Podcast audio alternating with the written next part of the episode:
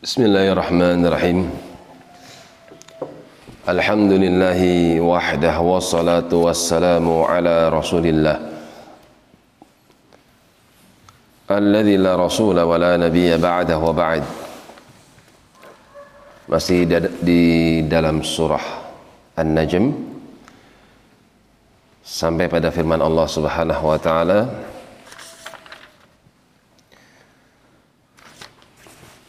Amlil insani ma tamanna Apakah setiap yang diangankan oleh mereka manusia mereka akan sampai kepadanya?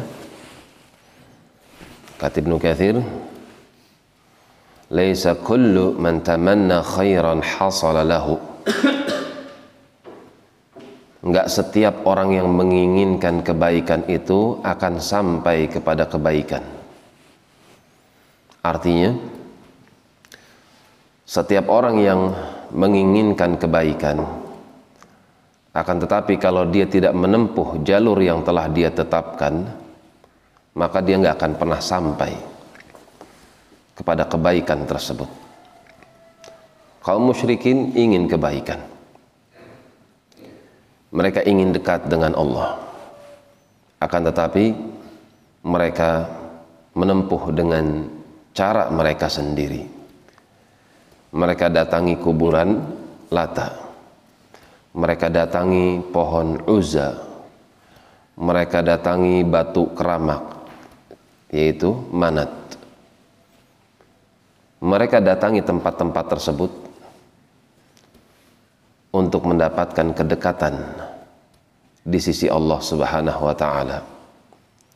Kalau mereka dekat dengan Allah, nanti mereka akan mendapatkan pengabulan doa yang sekian lama mereka panjatkan dan mereka menganggap kalau diri mereka di atas hidayah, petunjuk. Bahwasanya yang mereka lakukan adalah perkara yang dibenarkan secara agama. Maka sebelum ayat ini Allah katakan in hiya illa asma'un sammaitumuha antum wa aba'ukum. Hai kaum musyrikin. Arca-arca yang kalian namakan Lata, Uzza, Manat itu adalah nama-nama yang kalian berikan dan juga warisan daripada bapak moyang kalian ma'anzalallahu biha min sultan Allah nggak pernah menurunkan sedikit pun bukti atas perbuatan kalian karena itu Allah katakan amlil insani ma tamanna apakah setiap yang diinginkan oleh mereka manusia pasti mereka akan meraihnya tidak jika mereka ingin mendapatkan kebaikan, maka tempuhlah jalurnya. Lantas apakah jalur tersebut? Sultanan, petunjuk dari Allah, ilmu. Ikuti kitab, ikuti utusan. Itu sunnah Muhammad sallallahu alaihi wasallam. Falillahil akhiratu wal ula. Karena milik Allah sajalah negeri akhirat. Karena dialah rajanya, dunia dan dia pula raja akhirat. Falillahil akhiratu. Seluruh urusan milik Allah. Dia yang menguasai, dia yang mengatur urusan-urusan dunia dan juga urusan-urusan akhirat dia yang mengatur.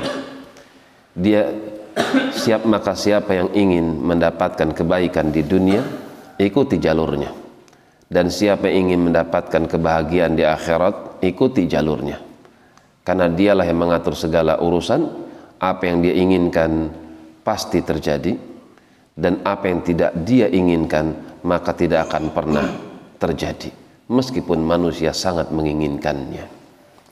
Demikian wallahu taala a'lam bissawab. Subhanakallahumma wa bihamdik. Asyhadu an la ilaha illa anta astaghfiruka wa atubu ilaik. Tafadalu barakallahu fikum